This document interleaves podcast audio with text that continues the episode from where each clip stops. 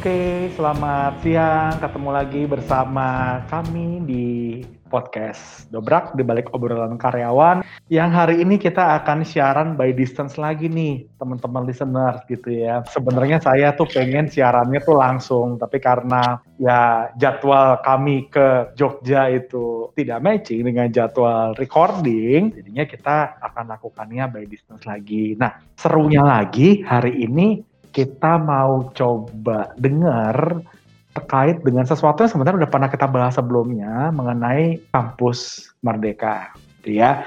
Cuman waktu itu baru dari satu kampus, hari ini kita akan coba kulik lagi dari kampus yang lain gitu ya supaya nanti teman-teman punya berbagai sudut pandang juga gitu ya dan punya berbagai referensi bagaimana cara menghadapi proses belajar yang baru nanti. Oke, sudah hadir bersama saya di sini, Bu Monggo Bu, diperkenalkan dirinya. Iya, halo semuanya. Saya Gloria Virginia. Saya dari UKDW, Universitas Kristen Duta Wacana di Yogyakarta. Apalagi yang perlu diketahui tentang saya? Iya, lagi di Jogja ya Bu ya? Iya, saya di Jogja. Saya orang Jogja. Iya. Oke, Bu, Bu Gloria ini Kaprodi Teknik Informatika gitu Bu ya? Iya, dulu memang namanya teknik informatika, tapi kami sudah oh. sedikit berubah namanya, jadi tekniknya dibuang. Jadi hanya jadi informatika, informatika saja. Informatics, ya. Oh, kenapa dibuang ya Bu? Kepo. Sebenarnya sama aja sih. Itu istilah yang biasa dipakai kayak kalau di luar negeri tuh biasanya pakai computer science gitu. Kalau di Indonesia itu hmm. ada uh, ragam namanya tuh ada yang teknik informatika, ada yang informatika gitu. Nah, kami ini memang kebetulan agak-agak maunya sih mengikuti aturan yang ada dengan segera gitu. Jadi sekitar hmm. dua tahun yang lalu tuh ada memorandum baru dari Dikti yang mengatakan bahwa hmm. nama teknik informatika tuh berubah jadi informatika. Begitu itu keluar hmm. kami langsung memproses itu. Ternyata oh. belakangan itu baru diketahui bahwa ternyata boleh aja sih kalau mau namanya tetap teknik informatika. Tapi ya kami sudah mengajukan untuk berubah namanya ya sudah jadi informatika ya Bu ya. Oh Iya, Mantap.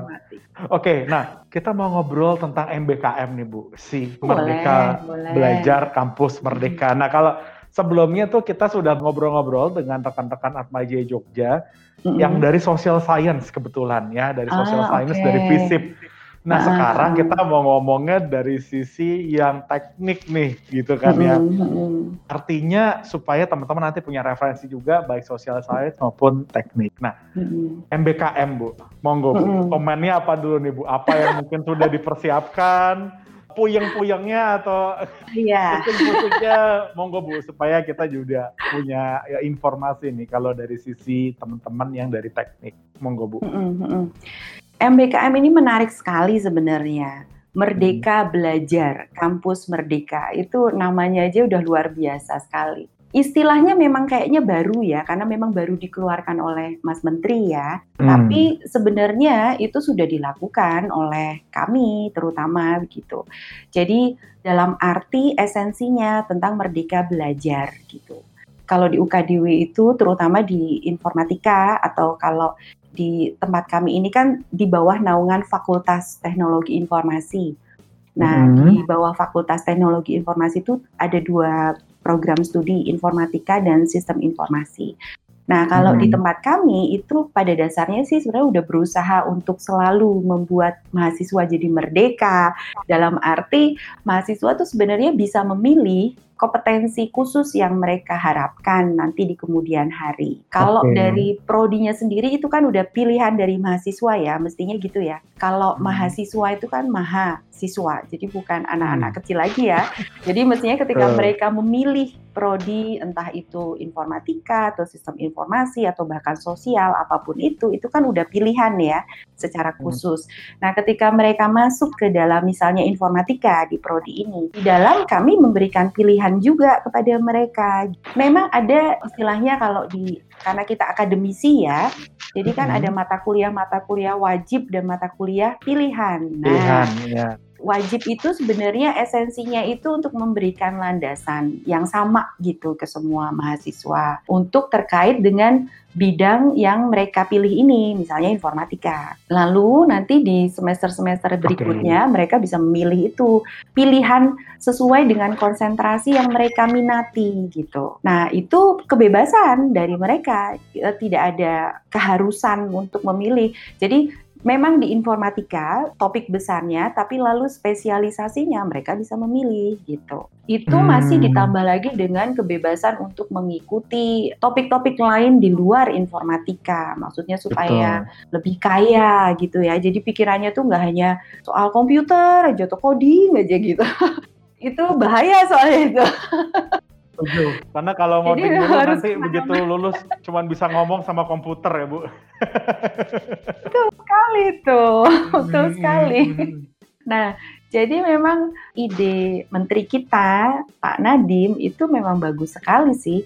Itu lebih memastikan kemerdekaan itu benar-benar diterapkan di kampus gitu. Jadi saya sih sepakat dan senang sekali karena memang setiap orang itu kan punya pilihan sendiri-sendiri ya dan punya tipe sendiri-sendiri begitu. Jadi nggak bisa kalau kita memaksa orang lain untuk mengambil sesuatu yang mungkin nggak sesuai dengan minatnya atau bidangnya. Bisa mungkin tapi tidak optimal biasanya. Nah, ketika hmm. dia bisa memilih sesuai dengan minatnya, wah itu kita bisa berharap bahwa dia bisa berkembang dengan optimal gitu. Jadi jadi bagus sih kampus Merdeka itu bagus gitu. Kami jadi lebih terarah. Uh, Oke, okay, kita membuat program-program jadinya lebih leluasa sebenarnya begitu. Lebih leluasa. Hmm. Oke Bu, kan sebenarnya ada keleluasaan buat mahasiswa untuk belajar di luar prodi gitu sebenarnya ya tadi ya. Nah, kalau dari teman-teman informatika sendiri ini biasanya mereka atau diarahkannya mereka akan lebih belajar apa sih? Karena kan nantinya ini akan terkait dengan kebutuhan dunia industri gitu ya. Mm -hmm. Oke, okay. manusia itu kan kompleks sekali ya. Hmm. Kebetulan saya ini bidangnya artificial intelligence. Wah, oke. Okay. Kecerdasan buatan. Nah, oh. kalau belajar dari situ, maksudnya AI itu kan satu bidang ilmu yang berusaha membuat sebuah sistem yang cerdas seperti manusia. Mungkin kira-kira kayak hmm. gitu ya. Padahal hmm. tantangannya adalah karena manusia itu sangat kompleks gitu biasanya memang kita itu fokusnya ke bidang akademik, ke kognitif gitu ya. Sedangkan hmm. manusia itu tidak hanya terdiri dari kognitif saja gitu, tapi hmm. kecerdasannya itu nggak hanya kognitif, tapi ada kecerdasan emosional, kecerdasan sosial, kecerdasan macam-macam ya, linguistik gitu. Hmm. Secara teori itu kok nggak salah ada delapan kecerdasan manusia gitu. Nah, hmm. untuk membentuk manusia yang cerdas secara holistik seperti itu kan luar biasa ya. Kita aja Betul. sebagai manusia manusia yang sesungguhnya belum tentu kan ya bisa juga memaksimalkan semua kecerdasan yang kita punya gitu. Apalagi kalau kita mau membangun sebuah mesin yang cerdas seperti itu gitu ya dengan holistik gitu. Nah, artinya uh, di kampus kita juga perlu memberikan tadi ruang lebih lebar kepada mahasiswa itu nggak hanya untuk kognitifnya saja gitu, tapi juga untuk kecerdasan-kecerdasannya yang lain.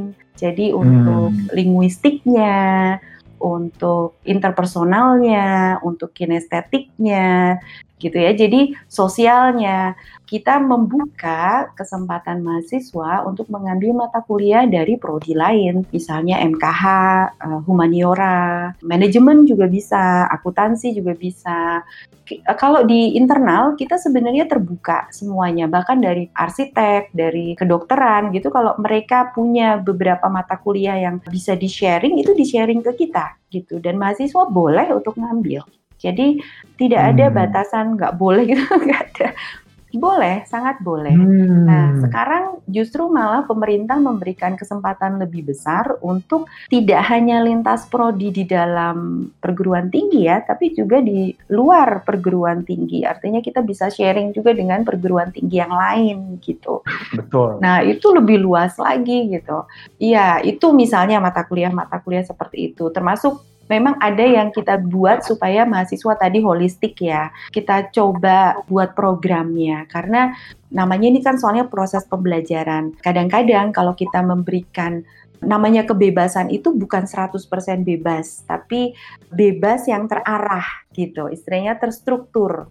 Sehingga kita itu bisa mengarahkan mereka berkembang tapi terstruktur gitu. Jadi bukan kebebasan yang kayak dilepas gitu aja, kebebasan yang terstruktur. Nah, jadi misalnya ada program-program yang seperti kuliah kerja nyata gitu kan KKN, hmm. kerja praktek, kerja prakteknya juga kita encourage-nya itu ke mitra, misalnya ke ACC gitu kan, ke mitra industri yang lain supaya mereka benar-benar nyemplung gitu ke sana, lalu ngerasain untuk berinteraksi dengan orang lain, hmm. lalu memperkaya dirinya itu tadi dan kecerdasan-kecerdasannya tadi ya yang holistik itu bisa lebih dioptimalkan gitu. Jadi kebuka sih segala macam sih gitu. Kita nggak pernah tuh yang membatas-batasi nggak boleh gitu tuh. Kalau ada oh, iya. sesuatu yang baru pun sering kali kita tanya dulu sih gitu. Ini untuk apa? Bagaimana? Kalau itu kayaknya mengarahnya tadi itu ya untuk perkembangan yang baik, why not? gitu ya. Jadi nggak ada yang berusaha membatasi Apalagi kalau untuk optimalisasi diri sih enggak gitu. Menariknya gini nih Bu, dengan kondisi saat ini sebenarnya kan teman-teman hmm. sebelum sebelum ada kampus Merdeka ini ya, existing condition kan sebenarnya teman-teman hmm. sudah punya paket belajar sekian SKS gitulah ya kurang lebih hmm. Bu ya. Di sisi lain, ini sedikit fakta yang saya coba gambarkan nih Bu. Biasanya -hmm. ketika teman-teman ini lulus, terus di interview Bu, pertanyaannya kadang dari sifatnya human capital tuh simpel banget kamu setelah lulus tuh plannya apa, rencananya apa gitu kan. Hmm. Nah, menariknya memang sebenarnya teman-teman ini ketika lulus masih ada yang memang masih bingung. Bosannya apa ya? Ngawang, ya bingung.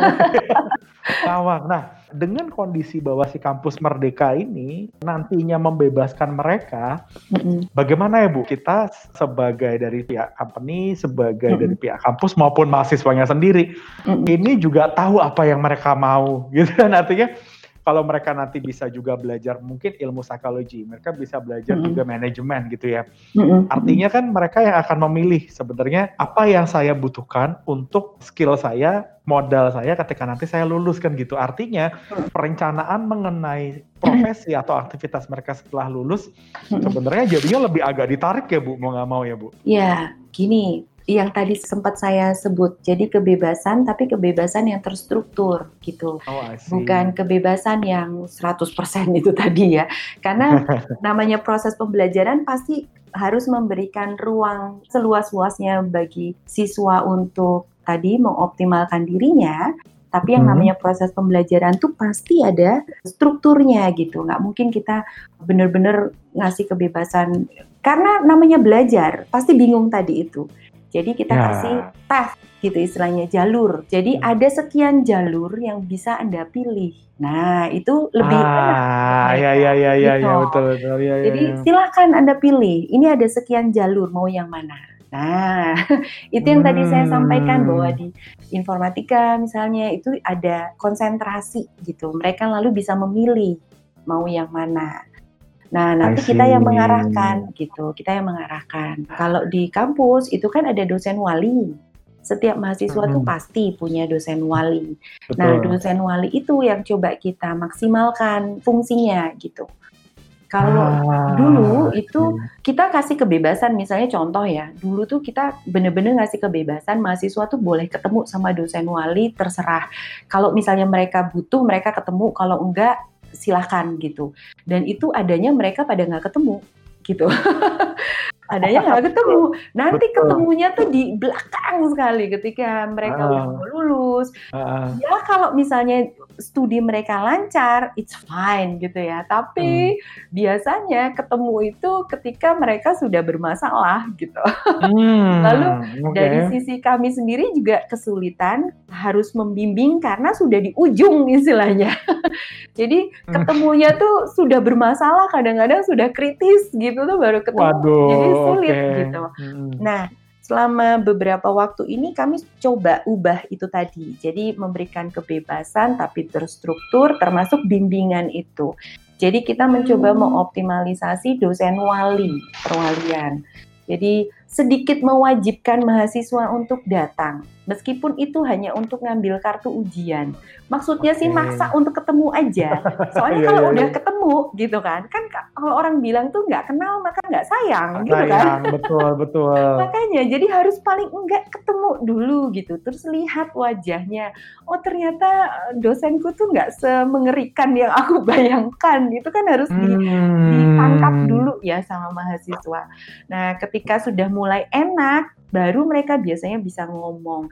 Baru kemudian dosen wali juga bisa mengarahkan gitu. Hmm. Karena ngobrol kayak begini kan jauh lebih enak ya daripada ngobrol yang formal. Nah, tapi kayak Betul. begini ngobrol yang enak begini baru bisa biasanya ketika itu tadi sudah ketemu hatinya, sudah sering lihat wajahnya, hmm. familiar gitu.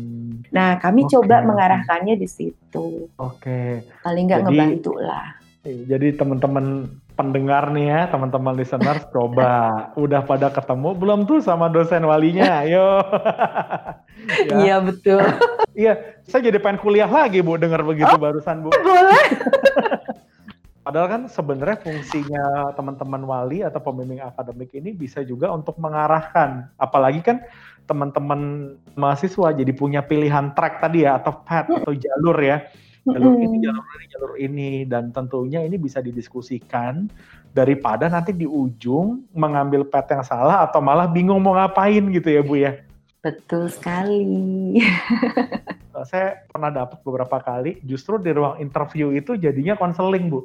Saya bingung nih mas sebenarnya mau gimana gimana. Uh. Oh ya sudah akhirnya ya ya karena itu kita coba bantu gitu ya kira-kira keunggulannya hmm. di mana. Tapi kalau ini bisa sudah di track dari awal tentunya sudah sangat baik. Nah, magang. Nah, kan salah satu yang juga jadi kan sebenarnya kita punya delapan aktivitas yang bisa dilakukan di kampus, eh, kampus Merdeka, Merdeka ini ya, ya, Bu ya. Hmm. Nah, salah satu kan hmm. kan lagi hype banget nih yang anak-anak muda juga lagi seneng tuh namanya intern atau magang. Nah, mm -hmm. kalau di UKDW gimana Bu? Magang ini mm -hmm. jadi sesuatu yang seperti apa sebelum kampus merdeka dan setelah kampus merdeka? Magang itu biasanya kalau di informatika itu masuk di kerja praktek ya. Kerja hmm, praktek okay. itu memang ada pilihan karena itu tadi hmm. kita nggak mungkin mengharuskan mahasiswa untuk melakukan sesuatu apalagi kayak begini ini. Kalau yang model kayak begini ini harus diberi tadi beberapa pilihan gitu. Tapi memang hmm. kami encourage-nya ke magang gitu. Jadi caranya encourage ini kalau mahasiswa mau mengambil mata kuliah kerja praktek itu kan ada pertemuan khususnya, ada pertemuan mahasiswa yang ngambil kerja praktek harus ikut pertemuan itu. Hmm. Maksudnya supaya apa? Supaya kita bisa ngasih tahu program-programnya itu sebenarnya apa aja, mereka lalu bisa memilih gitu. Hmm. Nah, kita encourage-nya itu juga dengan cara misalnya kuliah umum kuliah umum gitu hmm. kuliah umum yang kita panggil mitra-mitra misalnya ACC terus hmm. dari mitra yang lain itu kami selalu dalam satu bulan tuh minimal sekali itu ada kuliah umum Nah, hmm. uh, mitra datang biasanya kami minta untuk ngasih satu topik lah gitu ya terkait dengan teknologi apa pun, entah itu teknologi internal dari perusahaan itu maupun tentang hot topic yang ada saat itu gitu. Biasanya topik tuh dibicarakan. Tapi nanti di ending biasanya ada slot, ada suatu waktu untuk mitra untuk cerita tentang profile company-nya atau bahkan hmm. dilanjutkan dengan rekrutmen. Jadi ada beberapa mitra bahkan yang langsung ini kan melakukan proses rekrutmen di Rekrut. sini. Iya. Itu kalaupun eh, yang ikut itu bukan mahasiswa yang akan KP tapi anak-anak yang masih baru gitu ya angkatan pertama, angkatan kedua hmm. gitu. Tahun-tahun satu, tahun kedua nggak apa-apa gitu. Biasanya kita encourage mereka untuk ikut gitu. Nah, hmm. Nah, supaya mereka bisa lihat, oh di hmm. mitra itu industri itu kayak gitu. Dari situ baru kita ayo ayo ikut gitu. Nah, biasanya kalau anak-anak yang sudah lebih siap gitu istilahnya, mereka tuh bahkan bisa sampai uh, ikut rekrutmen ke beberapa mitra, diterima di beberapa mitra, Gimana? lalu tinggal iya, memilih yeah, yeah, gitu. Yeah, yeah. Wow, aduh enggak ya banget ya pokoknya.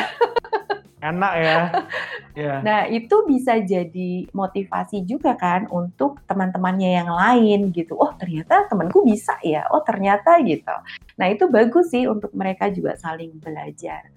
Jadi Betul. magang itu menurut kami sangat banyak manfaatnya. Makanya kami encourage anak-anak ke sana karena memang real gitu di sana. Kadang-kadang ada pekerjaan yang memang tuntutannya luar biasa, tergantung mitranya. Ada yang tuntutannya tinggi sekali, tapi ada juga kadang-kadang mahasiswa yang bilang, Bu ini nggak terlalu, hmm. tidak terlalu menantang, gitu juga bisa. Nah, nggak apa-apa, hmm. mereka bisa mengenal berbagai macam bidang pekerjaan itu dengan tantangan yang banyak, yang tinggi ataupun yang rendah, menurut saya nggak masalah justru pengalaman itu yang harus didapat gitu. Jadi magang hmm. sih memang nomor satu kayaknya. Kalau di kerja praktek kami selalu encourage-nya ke sana.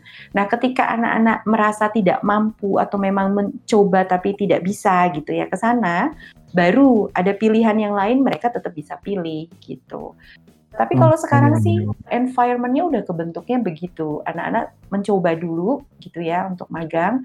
Nanti kalau memang tidak bisa baru cari yang lain gitu. Alternatif project, eh, entah itu project internal atau project eksternal gitu. Nanti bisa didiskusikan dengan koordinator kerja prakteknya gitu. Oh, Tapi esensinya benar. namanya kerja praktek ya mereka nyoba untuk belajar bekerja gitu. Oke, menarik, menarik.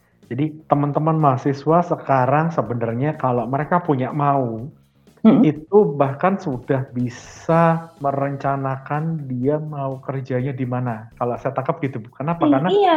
ya kan kalau misalnya mau mau waduh ini pengen nih kerja di ACC misalnya gitu. Hmm. Artinya kan dia dari awal mungkin ngambil tracknya yang mungkin oh mungkin pas tadi di kuliah dia ngambilnya mungkin manajemen supaya bisa sedikit belajar keuangan misalnya gitu ya mm-hmm. nanti begitu kerja praktek dia mm-hmm. merencanakan performance yang baik sehingga ketika mm-hmm. dilihat user wah ini boleh juga nih karena kan kalau kami di company gitu ya bu ya mm-hmm. kalau ibaratnya kalau PDKT-nya terus cocok wah mm-hmm. ini kan Asalnya iya, iya. bisa langsung juga ditawarkan gitu untuk bergabung bersama dengan perusahaan. Mm-hmm. Oke, okay, nah kalau kita udah banyak ngomong nih mengenai tadi uh, dari pihak Bu Gloria dari kampus itu sebenarnya sudah sangat mendukung environment MBKM Hmm. dari perusahaan juga sebenarnya sudah mulai beradaptasi untuk mempererat kemitraan bersama dengan kampus. Nah, sekarang kita hmm. ngomongin mahasiswanya nih, Bu. Oh iya. nah, menurut Bu Gloria nih, kita sudah hmm. membuka peluang dengan sangat lebar buat teman-teman hmm. untuk bisa mempunyai kompetensi yang lebih baik ketika lulus sehingga hmm. bisa langsung menyesuaikan diri dengan dunia profesional gitu ya. Hmm. Hmm. Nah, apa sih yang mesti mereka lakuin sekarang? Karena bisa jadi kan mereka, oke, okay, tiba-tiba ada begini, gitu. Terus ada nggak sih bu tips-tipsnya apa sih yang mesti mereka persiapkan dari sekarang? Apa yang mesti mereka pikirkan dari sekarang supaya nanti benar-benar bisa memanfaatkan kampus Merdeka ini dengan seoptimal mungkin. Yang perlu mereka lakukan berproses bersama menurut saya. Oke. Okay. Iya, berproses bersama.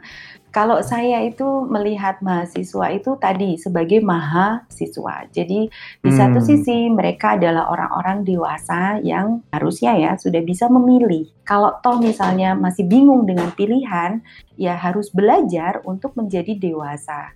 Jadi bagaimana hmm. caranya memilih karena hidup itu penuh dengan pilihan gitu. Betul. Iya kan? Sampai yeah. bahkan mereka mau memilih topik mata kuliah atau apa pun ya itu, itu kan pilihan semuanya gitu. Betul. Nah, gimana caranya mempertimbangkan setiap pilihan-pilihan itu? Itu kayaknya yang perlu dipelajari tapi ya itu tadi berproses bersama karena nggak ada yang bisa didapat dalam waktu semalam gitu. Betul, betul. Malam ini menyesal gitu terus berjanji bahwa besok akan menjadi dewasa lalu besok jadi dewasa nggak mungkin kan. Jadi pasti harus ada prosesnya. Nah kalau saya melihat yang namanya proses pendidikan begini ya proses itu tadi. Jadi memang hmm. nggak hmm. apa-apa kalau di awal itu memang masih bingung. Bingung itu tanda bahwa mulai berpikir. Kalau ya. nggak bingung itu malah bahaya, berarti nggak berpikir apa pun gak gitu. mikir apa-apa gitu ya. Dengan MBKM, iya. wes gitu ya. Yes, betul. kita jalanin aja lah sesuai dengan Betul. Yeah, Jadi yeah, kalau yeah, ada yeah. anak bingung tuh justru malah oh oke okay, berarti kamu sudah mulai berpikir bagus lah. Ya, Nah, ya, ya, ya, ya, ya. environment di kampus itu adalah environment untuk belajar bersama-sama. Artinya yang belajar nggak hanya mahasiswa, tapi kami sebagai dosen juga belajar bersama-sama. Kami juga belajar banyak kok dari mahasiswa. Nah, yang perlu disiapkan apa? Menyiapkan diri untuk berproses bersama itu tadi. Oke. Eh, memang tidak mudah. Kayaknya gampang sih ngomong gitu ya, tapi itu sendiri juga kalau tidak menjadi kebiasaan gitu ya, belum menjadi kebiasaan agak sulit juga gitu. Jadi harus belajar juga untuk belajar. Nah, Wah, belajar untuk benar. belajar. Belajar Iya. untuk belajar. Jadi Betul. jadi teman-teman listeners, ini saya kebayang sih Bu, zaman saya Heeh. dulu kuliah gitu ya. Heeh. Melihat sosok dosen itu kan seperti sesuatu yang kita punya jarak di sana. Artinya kalau Iya, saya dengar iya. dari Bu Gloria nih, Heeh, begitu kampus Merdeka ini nanti akan diterapkan, heeh. jarak itu yang semakin lama harusnya semakin meng- menghilang ya Bu ya, karena Iya, berproses betul. bersama itu tadi Iya, gitu betul. kuncinya. Iya. Hmm, Iya betul, oke. apalagi dengan kondisi sekarang ya, kita kenyataan deh, namanya Hmm. pengetahuan, informasi lah ya, informasi itu bisa didapat nggak hanya di kampus kan, justru malah Hmm. informasi itu banyak sekali ada di internet. Kalau mau belajar dari sana pun bisa. Kalau saya sih ngomong sama anak-anak tuh biasanya sama mahasiswa, kami dosen ini tuh bukan sumber pengetahuan lagi loh gitu, tapi Ah. justru lebih ke teman untuk diskusi gitu Wow. teman wow. untuk diskusi. Yes. Jadi kalau misalnya masuk ke kelas itu kami lebih encourage-nya tuh ayo diskusi gitu. Mau tanya apa? Itu justru lebih asik gitu Hmm. daripada kita yang ngasih tahu ini itu. Aduh, bukan zamannya lagi kayaknya deh. yang Betul. model teacher teacher centered gitu ya. Itu udah nggak zamannya. Berarti Tapi Bu lebih ke ketik- student centered sebenarnya. Student center, betul Bu. Jadi Bu Hmm. ketika ada dosen di kelas itu punya pertanyaan, Hmm. apakah ada pertanyaan itu real bener sebenarnya pengen ditanya ya Bu ya? Betul. Betul. Iya, iya, iya, iya, iya. Tuh teman-teman tuh ya, jadi partner belajar loh, bukan satu arah sumber pengetahuan gitu ya. Dan saya juga kebayang sih gini mungkin Bu, ini ya mungkin teman-teman anak muda gitu ya. Ada Hmm. beberapa yang mungkin pikir, wah dosen tuh nanti kalau semakin senior semakin killer gitu. Artinya kayak gitu-gitu mungkin dari teman-teman mahasiswa mesti coba mulai untuk menjalin komunikasi Bu ya. Karena kan memang kuncinya di situ Betul kan. sekali. Harus saling ya. Iya. Iya, betul. Ya, Hmm. Ada triknya juga sih. Ini tadi ya, namanya orang dewasa. Kan salah satu kecerdasannya tadi juga kan komunikasi kan. Ya, ya, Nah, oke. Kalau kita kan hanya bisa memfasilitasi. Jadi mungkin bisa belajar juga dengan misalnya rajin-rajin ketemu dengan dosen wali. Supaya Hmm. belajar untuk berkomunikasi dengan dosen. Dosen itu kan juga macam-macam kan. Jadi Eh, bisa belajar untuk di situ ya komunikasi dengan berbagai macam orang. Nah kalau di kelas bertanya itu luar biasa loh. Bertanya itu kalau nggak bertanya berarti kayaknya nggak berpikir deh. Iya. ya nggak sih? Soalnya kalau mau bertanya itu kalau nggak berpikir nggak bisa loh nanya. Iya kan? Hmm. Paling nggak kan kenapa begini, kenapa begitu? Itu kan berarti dia berpikir. Nih Betul. kayak kemarin nih saya ngajar nih ada empat kelas nih empat kelas mereka presentasi. Saya bilang saya akan menanggapi sesuai dengan pertanyaan-pertanyaan yang diajukan oleh uh, pendengar ke presenter gitu. Dan itu Hmm. terbukti loh dari empat kelas itu tanggapan saya pun gitu ya berbeda loh di empat kelas. Kenapa? Karena pertanyaannya berbeda. Beda-beda, Nah, betul. Jadi fokusnya iya, fokus yang saya jelaskan pun jadinya beda gitu. Karena masing-masing Hmm. pertanyaannya berbeda, fokusnya berbeda Hmm. gitu. Itu menarik. Cuman supaya bisa belajar bareng, makanya kalau kemarin itu saya record lalu di-share ke empat kelas itu. Jadi silakan saling belajar. Itu pertanyaannya beda-beda semua soalnya. Mantap. Dan malah jadinya real gitu. Jadinya real Betul. karena mereka kan bertanyanya kan, "Bu, kalau misalnya gitu, kalau misalnya gitu." Dan disesuaikan dengan minatnya mereka kan. Jadi menarik loh. Asik betul. gitu di situ. Itu kalau kayak gitu dua jam aja nggak kerasa. Gak kerasa karena tadi Nggak ya kerasa. saling mengisi.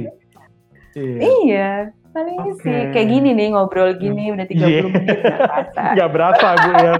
betul betul. Jadi jadi kalau saya mikirnya gini, kesimpulan yang bisa saya tarik adalah MBKM is a one thing yang memfasilitasi kita untuk punya proses belajar yang lebih efektif ke depannya. Namun yang hmm. perlu kita sadari bareng-bareng adalah fundamen dari hmm. proses belajarnya sendiri harusnya sudah terbentuk supaya bisa menjalankan hmm. Ini dengan optimal tadi ya misalnya kayak hmm. proses saling mengisinya, proses hmm. tanya jawab, diskusinya, Hmm. Uh, mahasiswa juga harus punya mau terhadap kalau saya bilangnya tuh natural curiosity. Hmm. Jadi yeah, ya. keingintahuan, yeah. keingintahuan yang terdalam yang benar-benar mahasiswa tuh bukan cuman datang duduk di kelas, tapi juga dia datang ingin tahu sesuatu dari apa yang disajikan uh, dan didiskusikan bersama dengan dosennya, gitu ya Bu. Asik, iya. Yeah, tuh teman-teman mahasiswa tuh itu baru namanya jadi mahasiswa betul. gitu ya Bu ya. Iya, iya betul. Iya, iya, iya, itu iya, baru iya. namanya mahasiswa. Mahasiswa. Mahasiswa, iya iya iya. Menarik sih kalau proses belajarnya jadi diskusi kayaknya selain jadi wali saya berminat jadi dosen juga Bu abis ini Bu. boleh, boleh. Loh, MBKM itu salah satunya juga itu loh. Jadi membuka yeah. ruang lebih luas loh untuk para profesional mengisi. Hmm. Oh, yeah, yeah. Uh, okay boleh loh, saya catat ya. boleh Bu, kebetulan saya hobi juga. Jadi kalau bisa saling mengisi anak-anak muda kita hari ini, kenapa enggak gitu ya. Oke deh. Oke, oke Bu Gloria. Seperti tadi kata Bu Gloria, rasanya ngobrol begini hmm. setengah jam nggak berasa Bu. So kita akan sudahi dulu, tapi saya yakin ini tidak akan berakhir karena kita pasti akan punya session-session ngobrol berikutnya, gitu ya. Oh, okay. Tapi mudah-mudahan apa yang berhasil kita capai dari obrolan kita hari ini itu bisa bermanfaat buat teman-teman pendengar dan sadar betul hmm. bahwa sebenarnya modal awal dari MBKM ini sebenarnya adalah proses belajar yang benar-benar mm-hmm. saling berpartner antara dunia pendidikan dan mahasiswa juga gitu untuk aktif di sana. Mm-hmm. Oh, sekali yeah, lagi yeah, Ibu good. Bu Gloria, thank you banget Bu untuk waktunya gitu ya di Terima kasih banyak. di masa-masa seperti ini ya. Habis ini kita mungkin bisa lanjut ngobrol lagi itu buat teman-teman silakan nanti kalau misalnya mau punya tanggapan terhadap materi kita hari ini bisa langsung aja ke Instagram kami AdSense atau di LinkedIn-nya kami Astra Credit Companies. Siapa tahu obrolan tentang MBKM ini bisa terus kita perdalam dengan berbagai sudut pandang juga supaya bisa terlaksana apa yang dicita-citakan oleh dunia pendidikan Indonesia gitu ya Bu Gloria ya. Ya bagus bagus. Amin. Oke okay, amin. Oke okay, yeah. Bu Gloria kita tutup podcast siang hari ini. Teman-teman semua sampai ketemu lagi ya. Saya Roberto dari rekrutmen Astra Credit Company saya Gloria Virginia dari UKDW oke okay, see you on next episode. See you bye, bye.